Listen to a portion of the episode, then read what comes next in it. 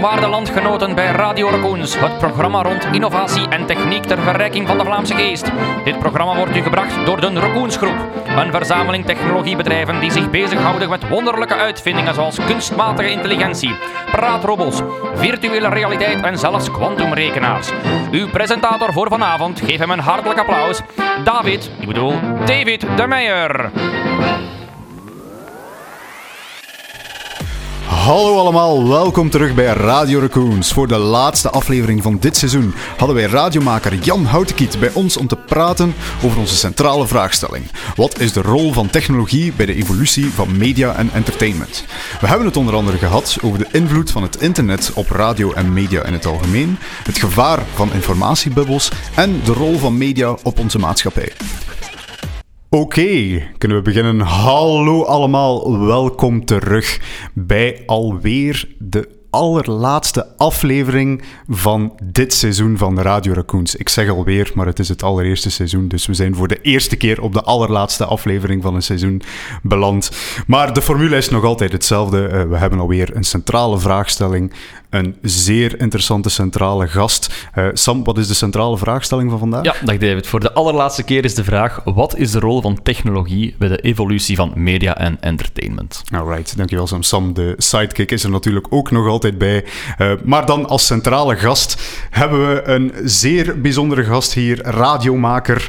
Uh, de superlatieven stapelen zich op radio-icoon of zelfs radiolegende voor sommigen. Medeoprichter van Studio Brussel, muzikant, journalist maar bovenal uh, ziekelijk nieuwsgierig. Ziekelijk nieuwsgierig. Welkom Jan Houtekiet op onze aflevering over media en technologie. Nu, om met de deur in huis te vallen, Jan. Um, twee werelden. Hè. We vertegenwoordigen hier een beetje twee werelden. Enerzijds de media, anderzijds de technologie twee werelden die op het allereerste zicht niet zoveel met elkaar te maken zouden. Ze niet met, veel met elkaar te maken hebben, sorry. Uh, maar natuurlijk schijnbedriegt, hè, als we wat dichter gaan kijken. Technologie, media, heel sterk met elkaar verstrengeld. Van de boekdruk, pers, tot uiteindelijk het internet met daar ergens radio en tv tussenin. Ik denk dat techniek toch wel een grote invloed heeft gehad op de manier waarop dat wij media gaan consumeren. Wat ja, terwijl je het zo zegt, bedenk ik uh, zowel media of een, een medium als techniek of technologie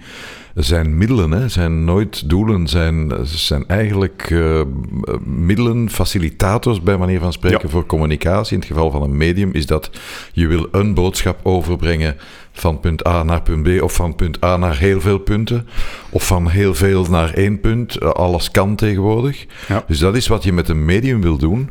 En techniek, vandaag spreken we over technologie, maakt dat mogelijk. Dus, maar het zijn, het zijn allebei uh, transmitters eigenlijk op een of andere manier. Het ene van een boodschap, het andere zorgt dat dat uh, technisch kan gebeuren. Dus ik zie meer gelijkenissen dan verschillen. Ik zie het niet, hm.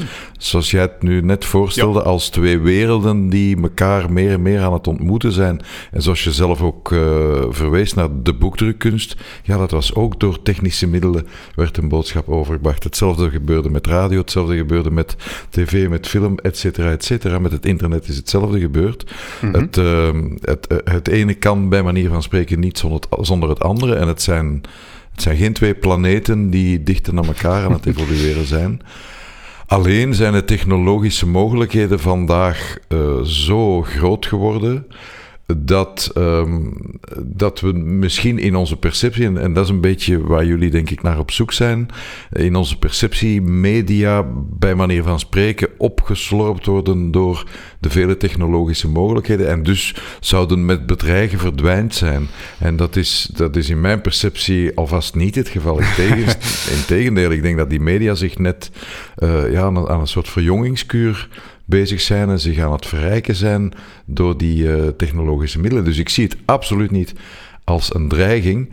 Ik begrijp wel dat het voor veel mensen als een dreiging overkomt, omdat je, je kent er niet het fijne van. Ik ben absoluut geen technologie-expert.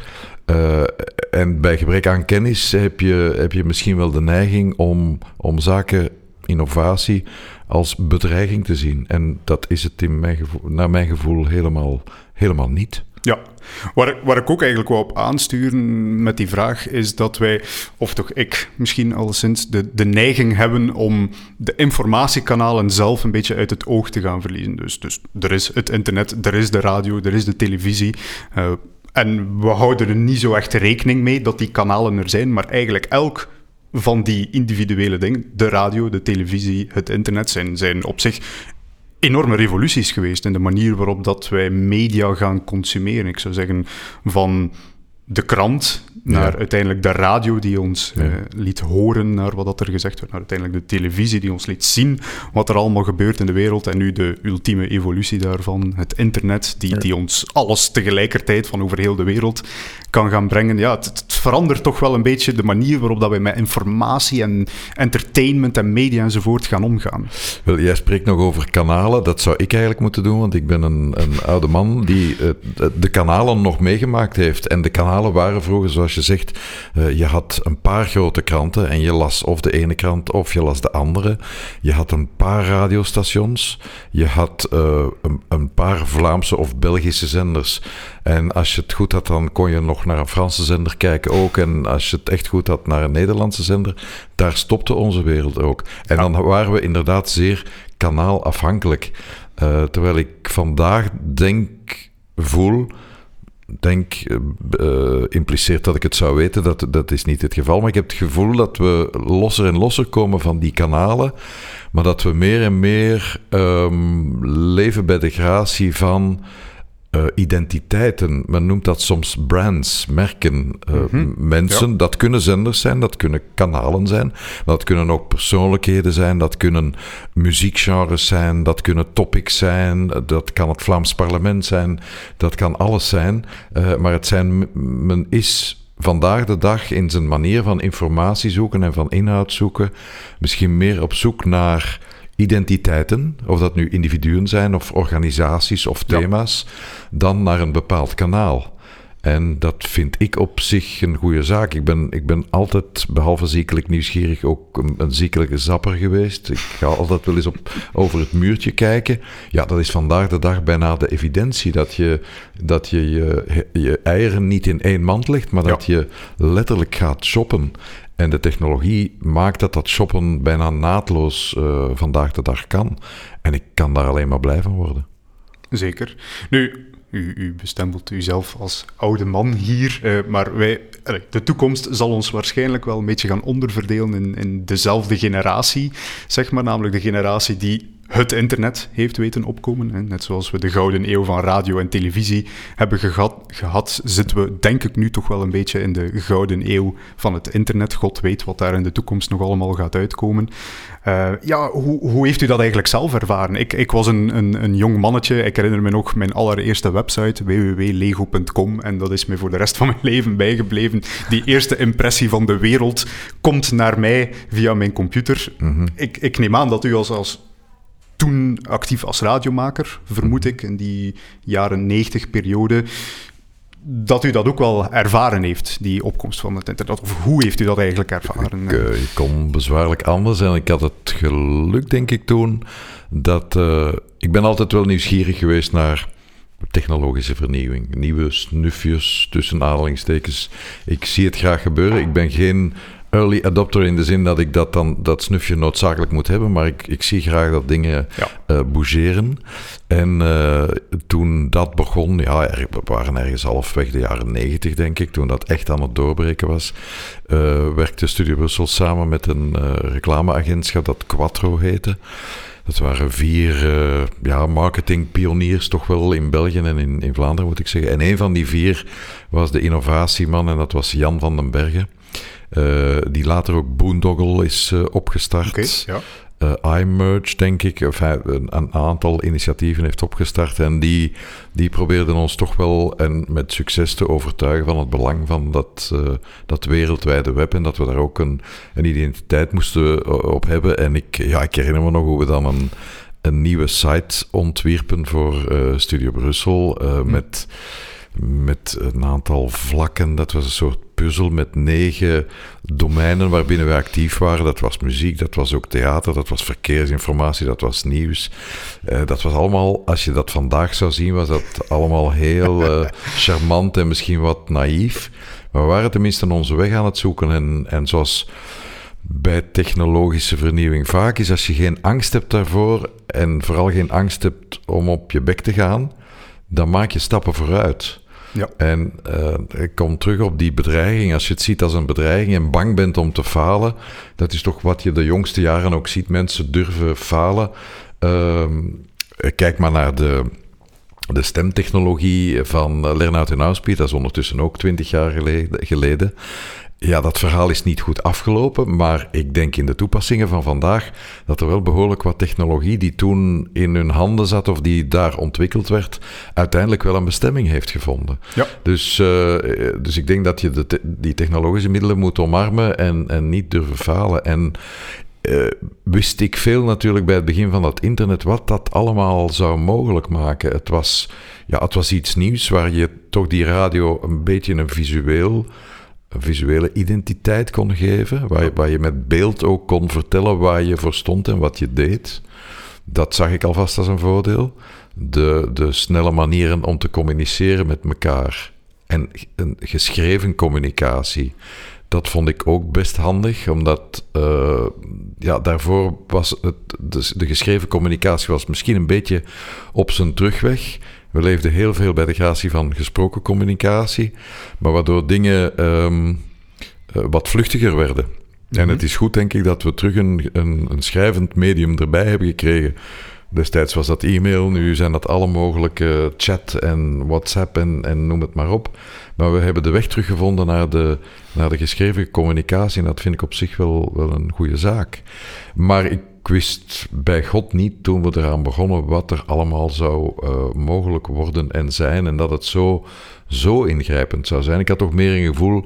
Dit is voor de happy few, voor de, de haves. Ja. zij die wel mee zijn, die wel nieuwsgierig zijn. En, en, maar de, de meeste mensen gaan daar niet naar omkijken.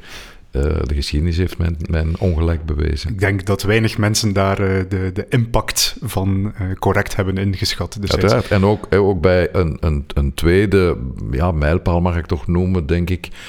Facebook, twaalf jaar geleden, dertien jaar geleden misschien, dat dat echt uitgerold is. Mm-hmm. Wist ik veel hoe ingrijpend dat zou worden. Het, want het, was, het werd voorgesteld als wat het was een soort prikbord Letterlijk een prikbord waar je zelf iets kon, kon aanhangen en dan hopen dat anderen het zouden lezen. Ja, het is nu een, een, ja, het is een, het is een hele stad geworden. Hè. Wat zeg ik? Ik, ik vermoed dat geworden. bijvoorbeeld bij Studio Brussel er minstens evenveel mensen bezig zijn met alle internetgerelateerde activiteiten en promoties die er moeten gevoerd worden dan effectief met het radiogedeelte van... Wel, maar het, ik zie het ik zie, ah, opnieuw, ik zie het niet als gescheiden werelden. Radio is vandaag ook visueel geworden, is ook interactiviteit. Dat, dat, zit, dat zit in het DNA van, van die media ingebakken. Dus ik zie dat niet als aparte werelden. En dat bijvoorbeeld bij Studio maar ook bij andere zenders, die verschuiving bezig is. Verschuiving, ik zie het eerder als een, een verbreding van waar ze mee bezig zijn. Uh, dat is maar logisch. Je moet daar zijn waar, waar het publiek zit. En het publiek zit nu vaak op sociale kanalen of op, op het internet. Dus je moet daar als radio-identiteit uh, ook zijn. Ja, Trouwens, Sam, zou de originele website van Studio Brussel nog te vinden zijn op de ah, Wayback Machine? De Internet Archive, kan ik dat terugvinden. Ah, of die Internet Archive, inderdaad. Uh, negen vlakken waren het, hè? Ik ben benieuwd. Ja, Geef me wel even op. We zullen, we zullen eens zien of dat die er uh, toevallig waren, staat. kleuren die pijn deden aan de ogen, dat weet ik nog. Want zo ging dat inderdaad toen. Nu, ja, ook bij de opkomst van het internet. Het internet is een beetje een, een hoe moeten we zeggen, een, heeft toch wel een democratiserend effect gehad, als ik dat woord mag gebruiken, op media, entertainment, op informatie ook wel. Um, ik denk dat we ons gerust een beetje mogen bestempelen, bestempelen nu als de tweede golf van de podcast, uh, die, die nu populair aan het worden is. Had, had, iemand dat voorzien eigenlijk? Van binnenkort gaan we allemaal zelf radiomaker worden? En... Ik alvast niet, want ik heb de eerste golf meegemaakt en dat was begin jaren 2000 of eind jaren 90, uh, was inderdaad podcast. En ik herinner me dat toen onze collega's van La Première, de, het informatienet van Radionet van de, de RTBF, dat die er niet beter hadden op gevonden dan al hun uitzendingen in podcast aan te bieden. Dus, dus je kreeg werkelijk een, een karrevracht uh, programma's over je. Ik heb me daar meteen ook op uitgeschreven. Maar de grote hinderpaal toen om podcast echt tot volle wasdom te laten komen, en dat is vandaag nog altijd niet anders, denk ik, uh, was toch wel het auteursrechtelijke aspect. Want het was natuurlijk een nieuw kanaal waar je auteursrechtelijk beschermd materiaal ging gebruiken, met name de muziek. Dus als je echt muziekprogramma's ging uitzenden, ja, dan, dan was dat een, een nieuw kanaal waarlangs je met dat beschermde werk, die uh, muziek, aan de slag ging. Ja, en dat zat niet in onze contracten met de beheersmaatschappijen. Neem aan dat daar vandaag de dag op een andere manier wordt naar gekeken en over onderhandeld. Maar dit blijft natuurlijk wel een, een belangrijk issue. Ook het legale, het juridische, is eh, niet onbelangrijk in de technologie. Ja, zeker en vast. Nu, vandaag de dag ja, zien we dat eigenlijk over alle kanalen heen. We hebben enerzijds de podcast voor de radio. Um, we zien de, de streaming YouTube-kanalen die gaan concurreren met televisie. Ik heb mij al laten vertellen dat de jongste garde tegenwoordig uh, niet, niet meer over BV's spreekt, maar dan over uh, bekende YouTubers. Uh, dat, dat zijn de nieuwe idolen vandaag de dag in plaats van de, de traditionele tv-kanalen. Nu, hoe, hoe ziet u dan eigenlijk de rol van zo'n traditionele kanaal? Laten we nu radio als, als specifiek voorbeeld nemen. Mm. naar de toekomst toe, als iedereen, zeg maar, als deze podcast rage blijft duren en we gaan binnenkort met enkele duizenden Vlaamse podcastkanalen zitten. welke rol speelt het traditionele radiokanaal dan eigenlijk in dat landschap? Of kan zo'n traditioneel kanaal spelen in dat landschap? Je probeert met hand en tand de nieuwe kanalen op te zetten tegen de, uh, Zeker en vast traditionele kanalen. En, en zo zie ik de wereld niet. Radio is natuurlijk historisch is een, een ooit een traditioneel kanaal geweest. Is vandaag de dag definieert zich anders.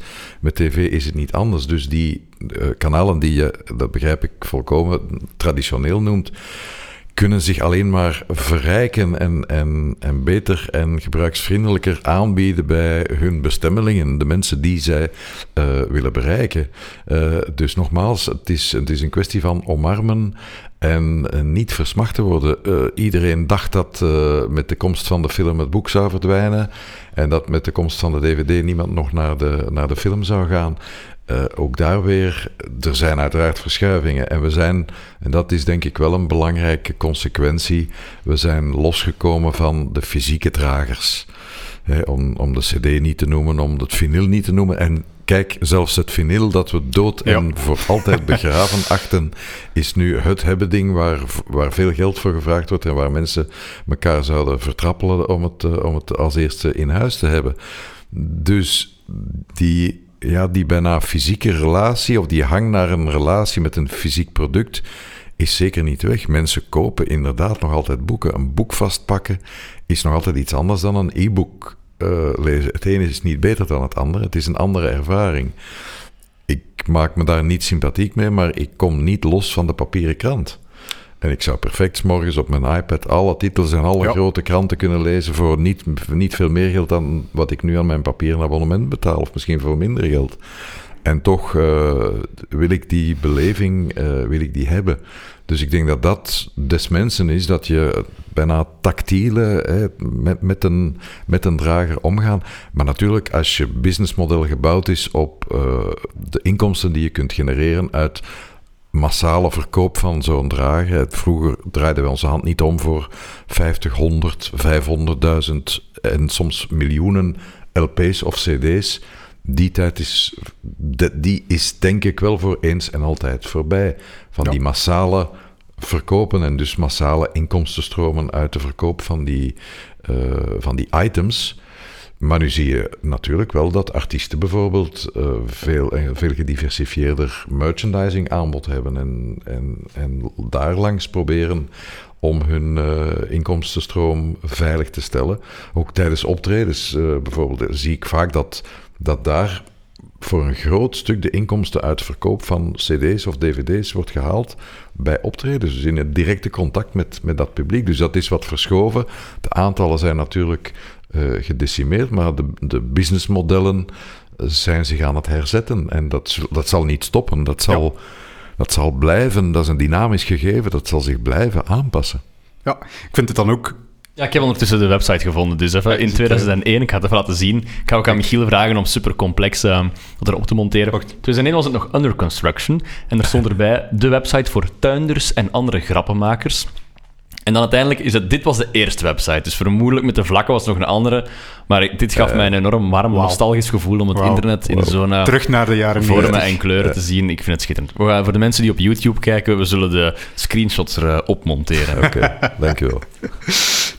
Nu, uh, waar, waar, ging ik nu even naartoe? Um, ja, ik vind, het, ik vind het best interessant om uh, ook te zien welke rol dat technologie daarin speelt. Uh, ook als voorzitter van Sabam zal het misschien best interessant vinden.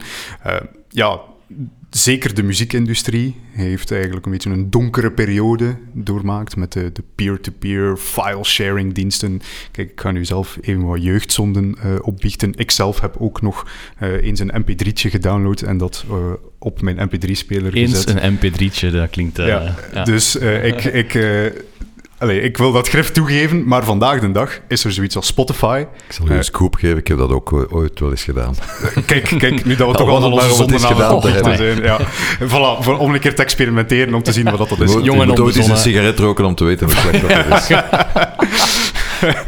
maar dus inderdaad, ja, we komen van een tijd van LimeWire. De muziekpiraterij, dat was misschien wel het uh, grootste thema binnen de muziekindustrie ja. op dat moment. Vandaag de dag is er Spotify. Als ik vandaag nog iemand hoor die apart mp3'tjes gaat gaan downloaden, omdat op zijn gsm of zijn mp3-speler wordt hij al een beetje raar bekeken van, maar waar steek jij nog moeite in vandaag de dag? Dus technologie, en het is bijna dezelfde technologie, zeg maar, die uh, zowel voor het dal als voor de stijging terug verantwoordelijk is. Dat is ja, op zich wel een interessante wisselwerking daarin, vind ik.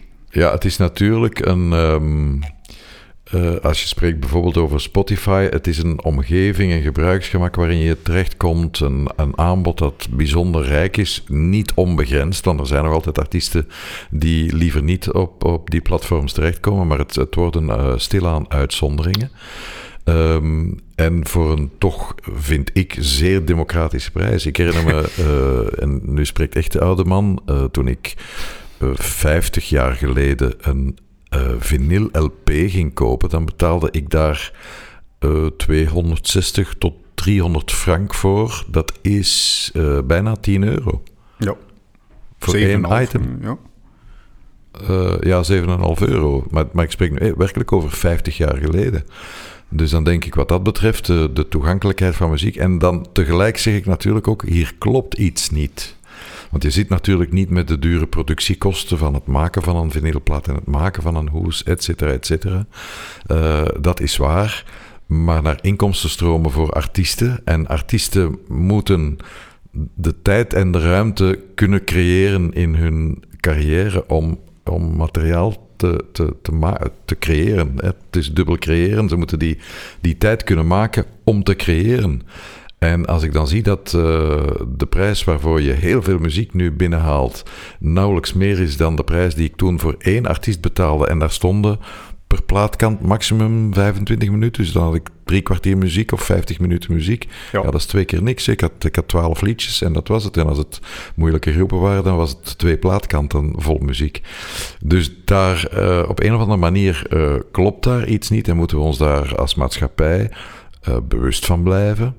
Natuurlijk, ik weet ook, uh, we kunnen heel veel sensibilisering doen en, en duidelijk maken aan de mensen dat muziek niet zomaar is, iets is wat je uit een kraan laat lopen, maar dat iemand dat gemaakt heeft en dat die iemand ook recht heeft op een, een vergoeding waardoor hij nieuwe muziek kan maken. Dus je kunt dat wel zeggen, maar ja, de mens zal altijd voor de gemakkelijkste oplossing, uh, oplossing kiezen.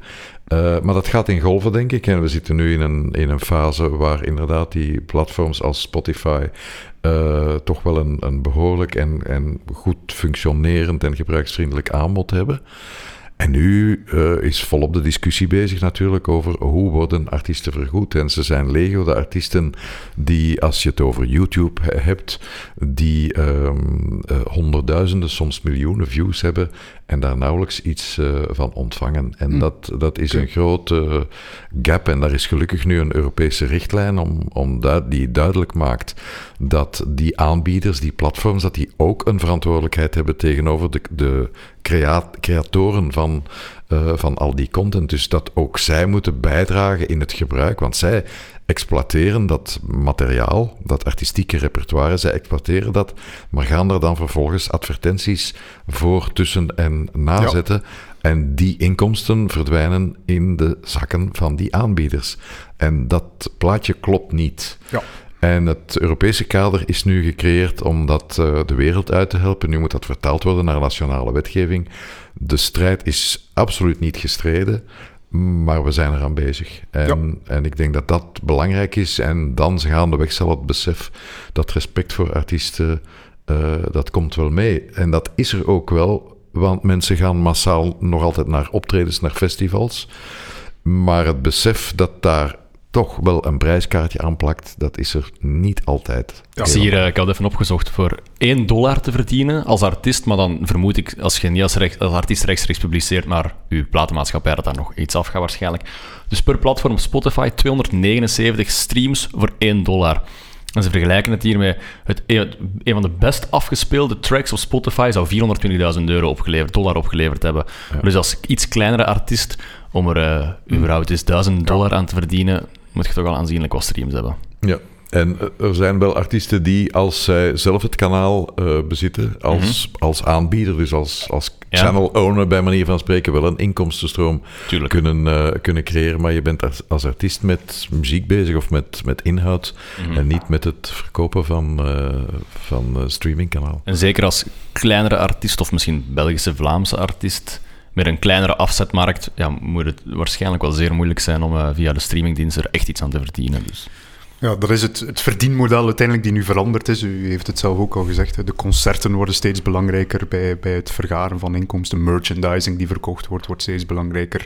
En de muziek zelf uh, durft soms al eens op de achtergrond verdwijnen. En de muziek krijg je gratis. Als je de mens wil zien, dan betaal je daar uiteindelijk geld voor. Allee, ik zeg gratis. Spotify kost mij 3 euro per maand dat, dat is inderdaad uh, belachelijk weinig uh, om daarvoor te gaan betalen. Er is natuurlijk een ander aspect daaraan. Dat is dat de uitvoerder die gaat bekijken, is niet altijd de creator van zijn eigen repertoire. Uh, het is, vaak, het is vaak iemand anders, vaak geregeld, iemand anders die het liedje geschreven heeft, dat ah dan wordt uitgevoerd. en dat is de man of vrouw of X die in de stilte van zijn studio of zijn werkkamer uh, dat materiaal aan het maken is en, en, en creatief moet blijven. Uh, ik geef een voorbeeld. Clouseau uh, werkt samen met een songschrijver, Stefan Fernande, die al heel veel, voor heel veel artiesten geschreven heeft. Dat is iemand die werkelijk in de luwte werkt, maar voor wie het wel een, een, een job is en een opdracht en een levenswerk, het maken van liedjes die uiteindelijk door artiesten op een podium gebracht werden. Mensen hebben soms de neiging om dat te vergeten en associëren de artiest die zij zien met de creator van, van dat repertoire. En dat zijn niet noodzakelijk dezelfde personen. meestal is het dan als die tekstenschrijver, liedjeschrijvers overlijden, dan komt dat eens in het nieuws en dan blijkt dat die voor min of meer elke grote artiest uh, waar je ooit van bent geweest wel muziek voor heeft geschreven. Zo. Dat is altijd Vroeger was het natuurlijk, je had, uh, je had de Brill Building, je had grote uitgeverijen uiteindelijk, waar songschrijvers die gingen gewoon naar hun werk. Hè. Ja. Om negen uur s morgens begonnen die liedjes te schrijven en om vijf uur s'avonds gingen die terug naar huis. En af en toe waren ze zelf uitvoerder. Bijvoorbeeld ehm, uh, Walter Becker en Donald Fagan, die samen de groep Steely Dan waren, want Walter Becker is overleden, die zijn ook zo begonnen met het schrijven van songs voor anderen. Uiteindelijk zijn ze zelf ook uitvoerders geworden. Carole King is een ander voorbeeld. Heel veel geschreven voor anderen, maar uiteindelijk wel zelf uitvoerder geworden en zo beroemd geworden. Hm, interessant. Oké. Nu, om even terug te pikken op het, uh, ja, dus op het internet en de, de de democratisering van media, zeg maar. Um, nu, er zijn daar voordelen aan. Hè. Een van de redenen dat het internet bestaat is dat wij hier kunnen zitten, hier in deze studio vandaag. Maar anderzijds heb ik ook al meerdere mensen daar wat kritischer horen over spreken. eerst en vooral de, de meest gehoorde kritiek soms is wel van het verdwijnen van de gemeenschappelijke cultuur, als ik het zo mag noemen. En vroeger hadden we dus die paar kanalen die we op de televisie ontvangen. Iedereen keek s'avonds naar het journaal, of, of ten tijde van VTM al naar het nieuws. Maar er waren twee uh, journaals uh, te zien s'avonds om zeven uur. Um, er, er was uh, ja, de programma's waar iedereen naar keek. tot voor kort de slimste mens. Heel Vlaanderen kijkt naar de slimste mensen en praat erover de dag nadien op, op het werk bij de, bij de waterkoeler. Nu, dat lijkt zo precies een beetje te gaan verdwijnen. Allee, puur anekdotisch, bij mezelf merk ik al van... Ik kijk naar een of andere serie en dan van... Ah ja, maar ik, ik heb geen Netflix. Uh, of of ah, ik kijk uh, via een ander kanaal. Of, of die...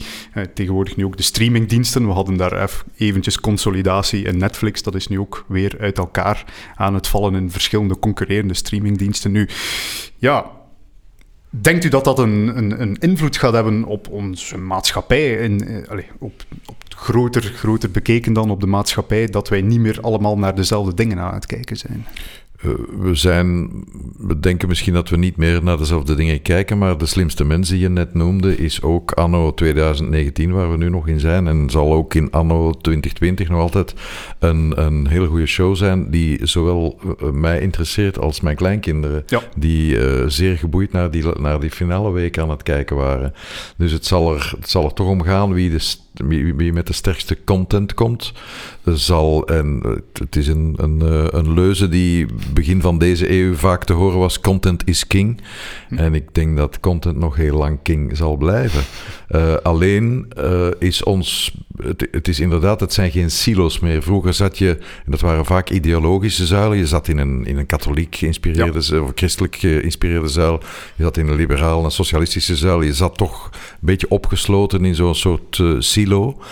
En vandaag zijn die silo's, ja, die zijn wat permeabel geworden. Daar, daar durven al wel eens andere dingen doorfietsen. Ik zie daar alleen maar de voordelen van. En ik denk dat ondanks alles we toch in een bepaalde gemeenschap of onder gelijkgestemden toch in dezelfde, in dezelfde bubbel uh, blijven zitten. Alleen die, die bubbels zie ik niet als negatief. Ik vind die bubbels moeten, moeten permeabel blijven. Dat mogen niet opnieuw silo's worden. Ja. Uh, maar dat je, dat je met onder gelijkgestemden bij dezelfde dingen uitkomt, lijkt me, lijkt me logisch. Alleen is er natuurlijk een werkelijk overload aan informatie. En we zijn nog altijd in het leerproces van hoe we daar zelf actief en als ontvanger, als, zowel als zender als, als ontvanger moeten mee omgaan. Ja. Uh, ik, ik geef een heel banaal voorbeeld. Uh, ik zit in een aantal WhatsApp-groepen. Ja, dat gebeurt als je met muziek bezig bent. Per tournee wordt er wel een WhatsApp-groep gemaakt. Of familie-WhatsApp of wat dan ook.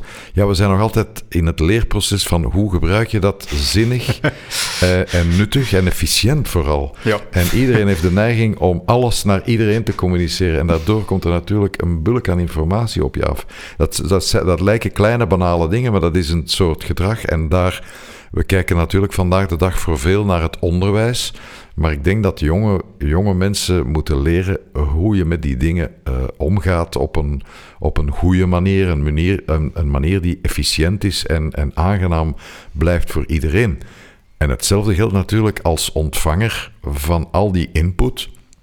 Blijft het belangrijk dat je kritisch blijft over de bronnen uh, die je gaat halen. Um, uh, je, hebt, je kent ook de, de, ja, de uh, satirebronnen als Speld. ja, in het Engels The Onion, een fantastische website. Ja, hoe vaak mensen met de ogen open daar al zijn ingelopen, omdat ze gewoon die bron niet in de gaten hebben. Dus het zal heel belangrijk worden. Het is nu al ontzettend belangrijk dat je bij elk stuk informatie dat je binnenkrijgt, weet uit welke bron het komt en, en waarom het uit die bron komt. En het tenminste naast, uh, als het kan, even één andere bron uh, legt. En dat is, net, dat is net het potentieel van de nieuwe technologie, dat je dat makkelijk kan. Terwijl vroeger was je geabonneerd op de ene krant of de andere en je had nauwelijks toegang tot die andere. En vandaag de dag kun je zeggen, ja, maar ik ga toch nog eens ik ga wat verder zoeken. je, mhm. doet, je doet één zoekopdracht en je krijgt, uh, en je moet niet noodzakelijk bij het, het uh, hoogst scorende resultaat blijven hangen. Nee, ga toch maar eens naar nummer 10 of nummer 20 kijken ook. Ja. Gezondheid. een bijzonder luide nies op de Ja, achtergrond. dat is, eh, eh. de studio is hier perfect afgewerkt met eh, lichte giprokmuren, dat elk niche doorkomt. De- de- het is dat de waarheid was. Nu, nu, u u heeft de term daar straks al even gebruikt, hè, de, de silo's en de bubbels. Nu, ik, ik moet persoonlijk toegeven, ik zie dat iets pessimistischer. zo, zo die informatiebubbels, de toekomst van informatiebubbels. Ook wel een beetje omwille van de technologie waar ik elke dag mee bezig ben. En dat is dan machine learning, artificiële intelligentie. Want die begint namelijk steeds beter te worden in het herkennen van waar mensen op reageren. En dus daar, daar gaan we vandaag de dag voor interactie. Als je klikt op die like-knop of je laat een comment na, dat is goud waard eh, voor heel veel bedrijven. En zo hebben we bijvoorbeeld eh nieuwsverhalen al gehad dat eh, fake news, ehm, artikelen tijdens de verkiezingsperiode, de meest gelezen artikelen waren van, alle, eh, van alles wat er gepost werd. En die machine learning, ja, die wordt beter en beter in, als het ware, een soort op ons inspelen om ons een bepaalde straat te gaan insturen. Nu, ook weer puur anekdotisch bewijs, maar ik heb de laatste tijd steeds meer rare gesprekken met mensen. Eh, zo conspiracies, eh, wat- is daar de mooie Nederlandse term voor? Samenzweringstheorieën, inderdaad. D- samenzweringstheorieën die ik totaal van de pot gerukt vind. Eh, de maanlanding is niet echt gebeurd. Mhm. Daar dacht ik altijd van, zo lopen er honderd op de hele wereld rond en die ga ik nooit tegenkomen. Ik heb de laatste jaren nu toch al zeker drie gesprekken gehad met mensen die bij hoog en laag beweren dat, zij, eh, dat de maanlanding niet echt gebeurd is. En- Misschien moet je in wat, wat andere milieus gaan begeven, David. ja, de- misschien is dat wel het probleem, maar, maar ik, de, de, de oorzaak daarvan zie ik altijd van... Ja, machine learning, die weet dat je nu naar één video hebt gekeken over de maanlanding die mogelijk nep is. Die weet dat jij daarop ingegaan bent, je hebt die volledig uitgekeken. Wat besluit dat machine learning algoritme? Aha, meer van dat. Hè. Meer van die, eh, van die content naar die persoon gaan sturen. En op een duur raak je in een soort informatiestraatje Ja. waarin dat je denkt van, oké, ja, ik krijg die informatie op mij af, die informatie zal wel juist zijn, maar die eigenlijk totaal verschillen. Ik vind het altijd leuk, als er iets gebeurt in de VS, ga ik altijd eens naar CNN eh, en naar Fox News Ja. gaan kijken. En de, de, de verschillen zijn soms zodanig groot dat ik mij afvraag van, wacht, ben, ben, ben ik nu al de hele tijd, eh, wij als Europeanen zijn misschien wel linkser ingesteld en Ja. misschien iets meer naar de CNN dan naar het Fox News eh, aan het graviteren toch wat wij binnenkrijgen van informatie. Als ik dan lees op Fox News, denk ik van... Oei, oei, oei, amai, eh, heb ik dat volledig verkeerd begrepen? Hè? Ja. Is, is die informatie zo totaal eh, verkeerd naar mij toegebracht? Ja, er zit er toch wel een zekere polarisatie in, volgens mij. Maar ik val misschien in herhaling. Vandaar denk ik het, het belang dat je jonge mensen meteen duidelijk maakt. Ik, je, je stelde mij voor en je, vroeg mijzelf aan te vullen wat ik was. Ik heb toen ziekelijk nieuwsgierig eh, gezegd. Ik, eh, ik zie dat niet, als een, niet echt als een ziekte. Maar ik hoop, dat, ik hoop dat dat iets heel belangrijk is wat je jonge mensen kunt eh, meegeven. Laat je niet in dat straatje duwen. En dat, is, dat mag geen negatieve boodschap eh, zijn, maar dat mag een stimulerende boodschap zijn om te zeggen: als je dat leest, lees nog eens wat even. Maar we zitten natuurlijk in, in een periode van heel korte aandachtsspannen. En, en ik denk dat die slinger, dat we die slinger op een of andere manier moeten terugkrijgen naar een wat langere aandachtsspannen. Het, het beste bewijs, dit is geen snel, snel, snel drie minuten gesprek. Nee, jullie trekken een ruim uur uit om, om een gesprek te hebben over de dingen. Ja, En, en ik mag hopen, en ik, ik geloof daar zelfs in, dat de mens daarnaar terug aan het evolueren is. Eh, maar niet iedereen heeft, die, heeft het, de, ja, de, de tools, de instrumenten, de, de scholing, het kader om zich daar bewust van te zijn. En we, we moeten, want je spreekt, je hebt al een paar keer gesproken over het democratiserende effect van het internet. Ik weet niet of het allemaal zo makkelijk democratiserend kan genoemd worden. Je bedoelt, het is toegankelijker geworden. Je kunt makkelijker aan de slag. Je kunt er makkelijker je weg op vinden als Ja. maker of als ontvanger. Maar of dat nu democratiserend werkt, dat weet ik niet. Want er zijn nog altijd haves en have-nots. Mensen die, die eh, daar niet zo goed mee om kunnen. En daarom vind ik nog altijd mediawijsheid, digitale wijsheid. Het, heeft vele, het kind heeft vele namen. Maar vind ik nog altijd ontzettend belangrijk. Niet alleen van de handigheden of de praktische gang van hoe ga je ermee om. Maar nogmaals, die, die kritische zin van geloof niet alles wat uh, iemand je zegt. Als iemand je wat zegt, wacht eens op een tweede opinie en een derde en misschien wel een vierde opinie. Het is wat je ook doet als je slecht nieuws krijgt van de dokter. Het eerste wat je gaat doen is een andere dokter zoeken die hopelijk een, andere een, een, positieve boodschap brengt. En, en dan moet je eigenlijk op zoek naar een, een derde advies als je die twee hebt, want wie van beide heeft gelijk. uh, maar, maar als we die attitude meer zouden kunnen hebben, dan, dan denk ik dat de effecten van wat, eh, je verwees naar Fox News, maar het hele Cambridge Analytica-verhaal heeft, uh, heeft toch wel uh, ten volle bewezen hoe beïnvloedbaar met name verkiezingen in het traditionele democratische model geworden zijn. En dat, dat zal er niet op verbeteren. Ik bedoel, die, die, die middelen zullen alleen maar geraffineerder en geraffineerder worden. Dus is het wel belangrijk dat je, dat je zelf autonoom als burger um, autonoom en soeverein beslissingen neemt en dingen wel gelooft en dingen niet gelooft of dingen in vraag stelt, dat ben jij wel de laatste uh, die, die de eindverantwoordelijkheid heeft. Dus het is ook een kwestie van zelfvertrouwen en niet je, je, je hele waarheid bij iemand anders leggen of bij bepaalde bronnen leggen. Nu, u, u, sprak zelf over, het is iets dat we de jongere generatie uh, moeten gaan aanleren om het uh, generatieconflict conflict even aan te scherpen. Uh, mijn persoonlijke ervaring is eigenlijk dat de jongere generatie daar eigenlijk beter mee weg is. En dat die toch al een begrip hebben van wat, wat zet je wel en niet op Facebook bijvoorbeeld. En dat is dan een heel het privacy-verhaal. Maar ook een beetje de waarheid van informatie. Terwijl oudere mensen, u, u, ja, u bevindt zich al heel uw leven in media natuurlijk, maar, maar iemand die gewoon al heel zijn leven uh, naar één kijkt bijvoorbeeld en daar al zijn informatie vandaan haalt en die komt plots op Facebook terecht. Ja, die heeft nooit die reflex aangeleerd gekregen om te gaan zeggen van ah, maar wacht, nu ga ik even een andere bron gaan consulteren om te zien of dat die informatie wel waarachtig is. Dus ik zie dat heel veel bij, bij oudere vrienden dan bijvoorbeeld op Facebook, kennissen van de familie.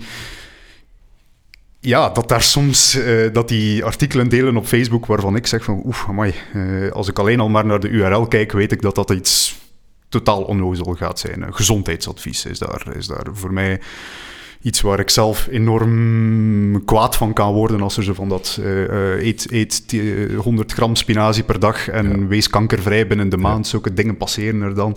Maar die trein is natuurlijk aan het rijden en terwijl we aan het rijden zijn, moeten we die, moeten we die trein uh, bijstellen en moeten we leren.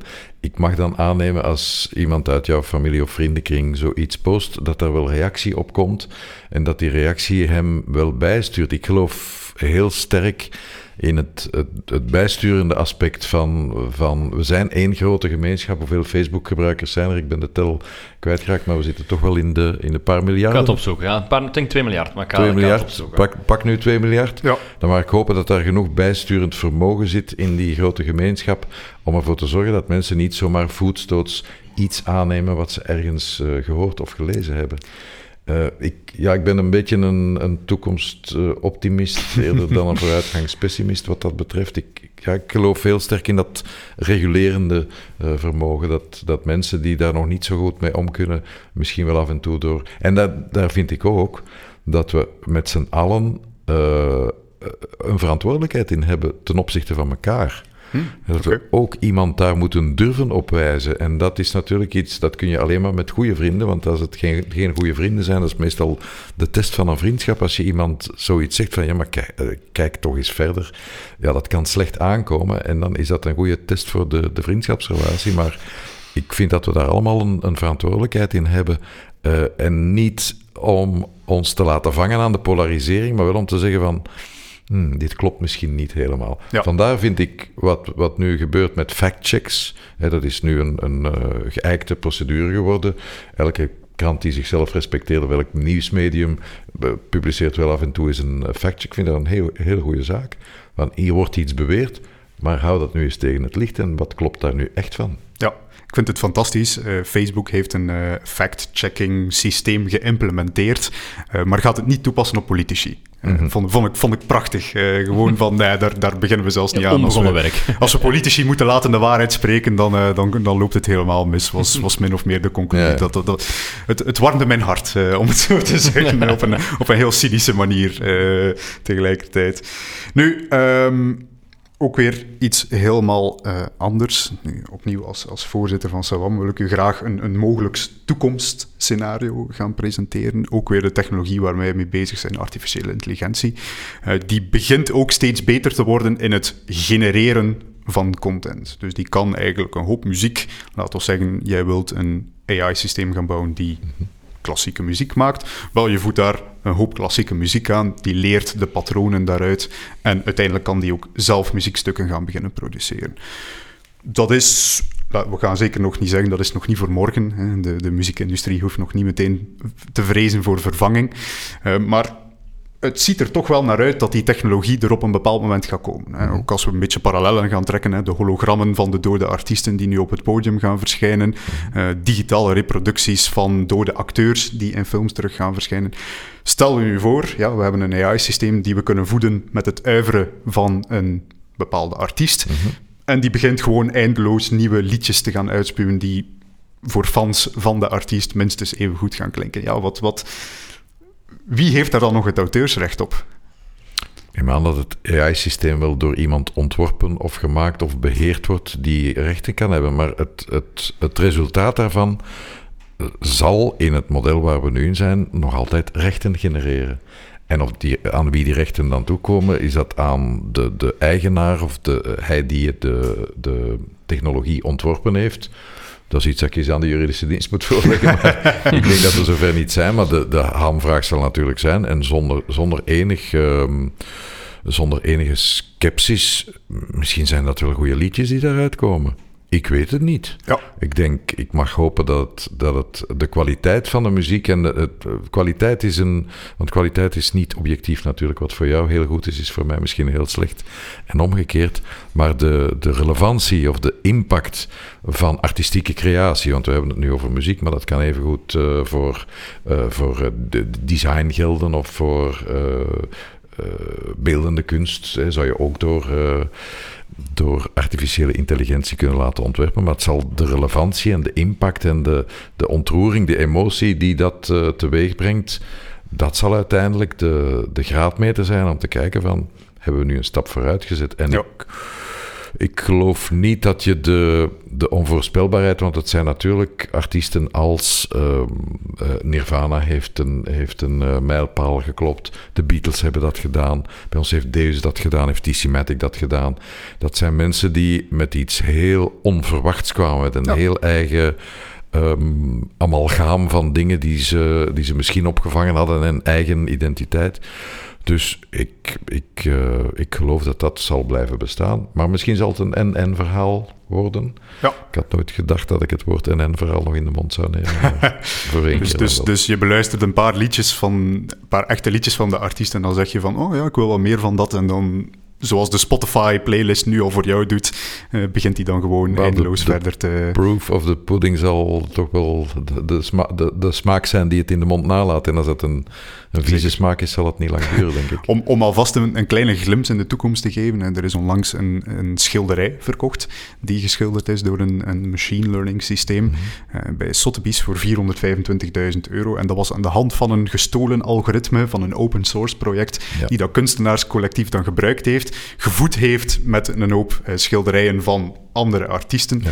En daar is dan een schilderij uitgekomen waar die dan uiteindelijk 400.000 euro op verdiend hebben. Ja. Het, is een, uh, het is een beetje een netelige kwestie om het, uh, om het alvast te zeggen. Dus die, die soort ja, uh, ternaire belangen gaan daar zeker en vast in gaan mee. Maar dat zijn, dat zijn interessante oefeningen hè, om te kijken van hoe ver kunnen we daarin gaan en wat, ja. wat kun je mensen bij manier van spreken wijsmaken. Want dat, dat uh, artistieke product is op een of andere manier wel aan de man gebracht. Dus dat zal met een nepnaam geweest zijn.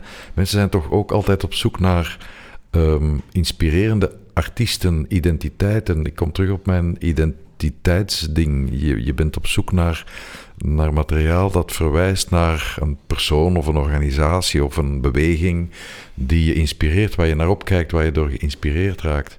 En dat zal volgens mij niet verdwijnen. Hmm, mooie, zeker, zeker en vast een, een, mooie gedachte voor onze menselijke artiesten die, die er nog resten. Goed, dan uh, rest me nog een laatste vraag. Een vraag die gesteld is door onze vorige gast, uh, Dimitri. Ja, Dimitri is bezig met uh, blockchain-technologie, is veel bezig met, met gemeenschappen die met elkaar moeten gaan interageren en, en die elkaar moeten gaan vertrouwen. En dat heeft hem waarschijnlijk bij volgende vraag gebracht, want hij bedacht zich dus van, ja, we hebben dus al die gemeenschappen binnen zelfs ons Nederlandstalig taalgebied Nederland, we hebben België, we hebben West-Vlaanderen, dat misschien ook nog eens als een apart land kan gezien worden, soms linguïstiek dan. um, maar ja, wie beslist dan uiteindelijk wat taal is? We hebben de Nederlandse taal, er is misschien zelfs een vorm van het Vlaams die op een of andere manier officieel herkend wordt. Nu, wie beslist uiteindelijk wat daarin terechtkomt in die taal. En wat dus eigenlijk dialect is, incorrect taalgebruik is enzovoort. Gelukkig beslist de gebruiker nog altijd in fine beslist de gebruiker welke, in welke taal, eh, welke taal hij hanteert, in welke context. Dus wij spreken nu een taal met elkaar. Als we straks een pint gaan drinken, zal het allicht andere taal zijn. En als het een beetje laat wordt en er, er nog taal aan te pas komt, zal het nog anders zijn. Dus de eindgebruiker blijft de eindverantwoordelijke voor welke taal hij hanteert, welk register hij hanteert. Maar er zijn natuurlijk een aantal bronnen, uh, zoals Van Dalen, zoals de Nederlandse Taalunie, zoals uh, het genootschap Onze Taal die daar permanent mee bezig zijn met het onderzoeken van hoe taal evolueert en wat nu als standaardtaal, het zijn de Noord-Nederlandse, het zijn de Zuid-Nederlandse variant, want als er bijvoorbeeld bij Van Dalen wordt gezegd Belgisch-Nederlands, uh, dan is dat niet denigrerend bedoeld, dat is gewoon een vaststelling. Dit is een, een term die meer in, in België of in Vlaanderen wordt gebruikt uh, dan in Nederland. Dus dat, zijn dat is een beschrijving van een realiteit die zich voordoet, maar dat is niet een eindbeslissing. Uh, maar natuurlijk, uh, in een, binnen een gemeenschap is er wel een soort consensus dat je naar een gemeenschappelijkheid, naar zoveel mogelijk gemeenschappelijkheid gaat. En die gemeenschappelijkheid wordt gevoed door het gebruik. Uh, wij zeggen nu sinds een paar jaar al eens makkelijk, als, als we de vraag krijgen hoe gaat het, Sava of Sava nogal. Dat was vijf jaar geleden ondenkbaar. Misschien komt de dag dat Sava in uh, Vandalen wordt opgenomen als de Belgisch-Nederlandse variant van het gaat goed met mij. Ja, ja dus dat is, dat is een beetje de strijd. Hè. Enerzijds tussen de mensen die geloven taal uh, heeft vaste regels en moet zich aan die vaste regels blijven houden. En anderzijds mensen die zeggen van kijk, schrijven veel mensen een woord verkeerd, wel, dan moet dat woord aangepast worden, want dat is de nieuwe schrijfwijze. Wel, je, moet het, je moet het de gebruiker niet te moeilijk maken en je moet niet om de haverklap je spellingsregels uh, veranderen. Ja. Dat lijkt me een goede zaak. Maar ik denk dat we daar nu al een tijdje van uh, gespaard zijn. De jongste hervorming ben ik zelf niet helemaal in mee, maar ach, uh, je, je, je past je aan natuurlijk. Maar wat dat betreft moet je, je moet de spelregels in beide betekenissen van het woord niet om de haverklap gaan veranderen. Ja. Dus de, taal is een conventie, dat is een afspraak hè, van dit is taal die wij kunnen hanteren, dus dat is een spel. Maar ook de spellingsregels moet je niet noodloos uh, veranderen. Voor de rest vind ik, geloof ik heel sterk in taal, om het nu bij de letterlijke taal, maar dat geldt evenzeer voor muziektaal, beeldtaal, als een dynamisch gegeven, iets wat verrijkt wordt, waar dingen uh, misschien op termijn verdwijnen. Het dialect uh, heeft het moeilijk in sommige regio's en, en, en moet, moet wat zuurstof krijgen. Um, dus daar geloof ik wel in, dat dat dan een dynamisch gegeven is, dat groter wordt, kleiner wordt, een andere richting uitgaat. Uh, vreemde woorden, hè, de invloed van het Engels op het Nederlands is onvermijdelijk. Ja. Uh, we kunnen daar heel cultuurpessimistisch over doen. Ik zie dat als positief. We moeten niet noodloos elke Engelse term overnemen als er een goede, even goede of misschien betere Nederlandse term is. En het omgekeerde ook. Als de Engelse term beter is, laten we het dan zo houden. Zo is oké in ons taalgebruik gekomen. Dat is geen Nederlands. Maar we vinden het wel oké dat we nu oké zeggen. Oké, ja, kijk. Van, en, en met... Oké, okay, Sava, inderdaad. Oké, okay, nog wel, ja. En, en met die laatste vraag zijn we ook een beetje op onze tijdlimiet aangekomen. Jan, eerst en vooral wil ik u hartelijk bedanken voor uw komst vandaag. Het was een zeer interessant gesprek. Ik vermeld er nog even bij, hè. het is de laatste aflevering van Absoluut. het seizoen. Wij zijn ook al een beetje aan het kijken naar wat we het volgende seizoen kunnen gaan doen. Dus aan alle mogelijke kijkers, luisteraars, uh, wat er nog allemaal zou mogelijk kunnen zijn heb je suggesties, uh, verwensingen, kritiek enzovoort? Laat het ons zeker en vast weten en dan nemen wij dat mee in het volgende seizoen. Sam, heb ik, uh, ben ik nog iets vergeten? Dat, dat was 100% correct. Ah, like, like and share en subscribe ja, ook, enzovoort. Ook, ook, absoluut. Het was een neg negende aflevering, denk ik. Dus uh, ja. we hebben het proberen heel divers te houden met verschillende en experts. Bonus, dus en ook, ja, er zitten een aantal bonussen in. Ik denk naar volgend seizoen toe, alle opmerkingen meer dan welkom. Oké, okay, goed. Dan zijn wij klaar. Jan, nogmaals, bedankt voor het komen. Dank u voor de uitnodiging. En uh, ja, tot volgend jaar waarschijnlijk.